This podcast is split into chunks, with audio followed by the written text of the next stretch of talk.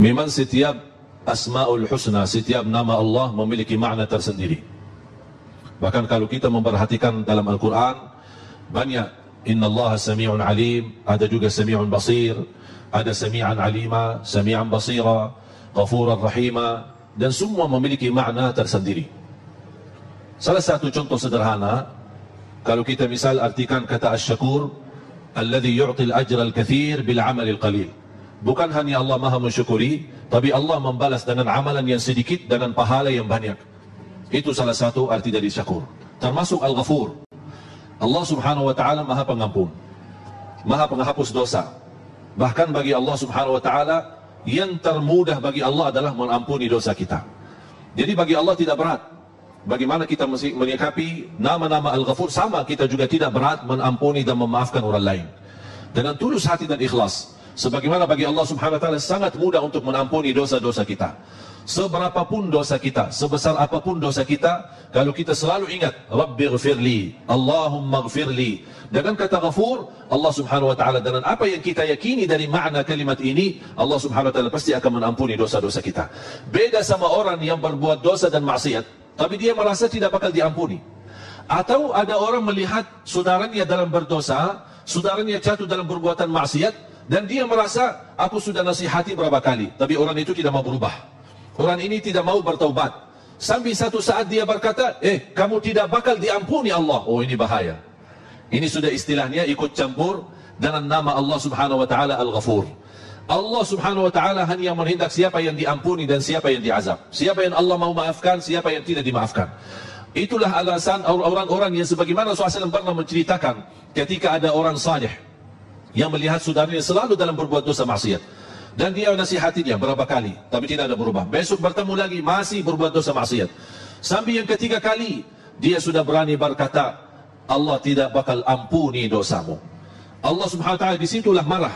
Dan Allah subhanahu ta'ala berkata man hadha alladhi yata'allahu alai siapa yang menjadikan dirinya Tuhan atasku Akulah yang mengampuni dosa-dosa hambaku.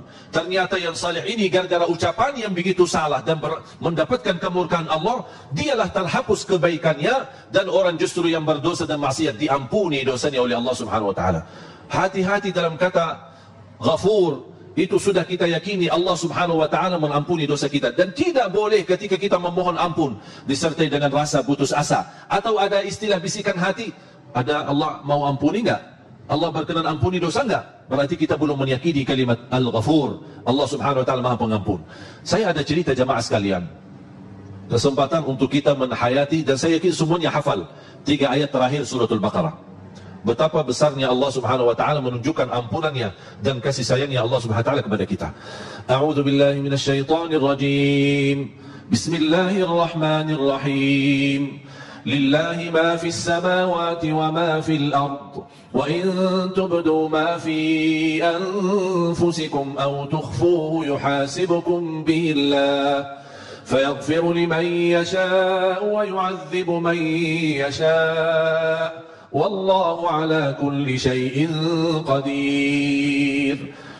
Ketika turun ayat ini, para sahabat yang menerti bahasa Al-Quran, memahami isi kandungan Al-Quran, cukup mulianya mereka adalah guru mereka Nabi Muhammad sallallahu alaihi wasallam. Betapa berat dari makna lillahi ma fis samawati wa ma fil ard. Cuba bayangkan kalau kita hayati dalam ayat ini. Wa in tubdu ma fi anfusikum aw tukhfu yuhasibukum bihillah. Barang siapa yang terang-terangkan, artinya dia membuka, membungkarkan isi hatinya, maupun dia sembunyikan di dalam hatinya, tetap dua dunia bakal dihisab oleh Allah. Dua-duanya bakal dihisab oleh Allah. Mohon maaf, siapa di antara kita yang tidak ada bisikan kalbu? Siapa di antara kita yang ada di dalam hatinya sifat atau hal-hal yang tidak disukai dengan kawannya dan saudaranya? Coba kalau semua orang bisa tahu isi hati kita, mungkin banyak berpecah belah di tengah kita. Tidak akan bisa mendekati. Karena kita begitu dekat, eh ternyata hati kamu tidak suka sama saya ya.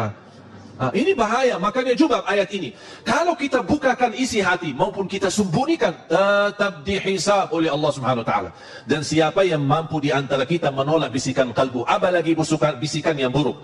Ada enggak di dalam perasaan hati kita ingin berbuat dosa maksiat? Ternyata itu keinginan di hati pun bakal dihisab oleh Allah. Bisa jadi fayaghfiru liman yasha, bisa jadi wa yu'adzibu Man yasha. Gara-gara bisikan ini bisa di, diampuni dan juga bisa di bisa diazab. Wallahu ala kulli syai'in qadir. Allah Maha mampu atas segala sesuatu termasuk bisikan kalbu. Sahabat menolak datang kepada Rasul, "Ya Rasulullah, gimana ini ayat ini? Berat, tidak mampu kita." Bagaimana sikap kita terhadap ayat ini? Semua termasuk apa yang kita fikirkan, apa yang kita bisikan dalam hati. Bahkan dihisab oleh Allah. Kayaknya berat ya Rasulullah. Rasulullah SAW hanya menikapi satu. Sami'na wa ata'na sami'na wa ata'na sami'na wa ata'na. Dan masih para sahabat menurut menyampaikan kepada Rasulullah SAW dan Rasul tidak melebihi dalam kata sami'na wa ata'na. Sampai mereka mengikuti Nabi Muhammad sallallahu alaihi wasallam. Sami'na wa ata'na sami'na wa ata'na. Sampai mereka benar-benar meyakini dan menerima. Walaupun begitu berat yang dihadapi oleh mereka tapi mereka menerima menunjukkan kepada Allah bagaimana sami'na wa ata'na kami sami'na mendengar perintahmu ya Allah dan kami bertaat kepadamu. Allah subhanahu wa ta'ala melihat sifat mereka ketulusan hati mereka keikhlasan mereka menerima walaupun berat. Allah subhanahu wa ta'ala ringankan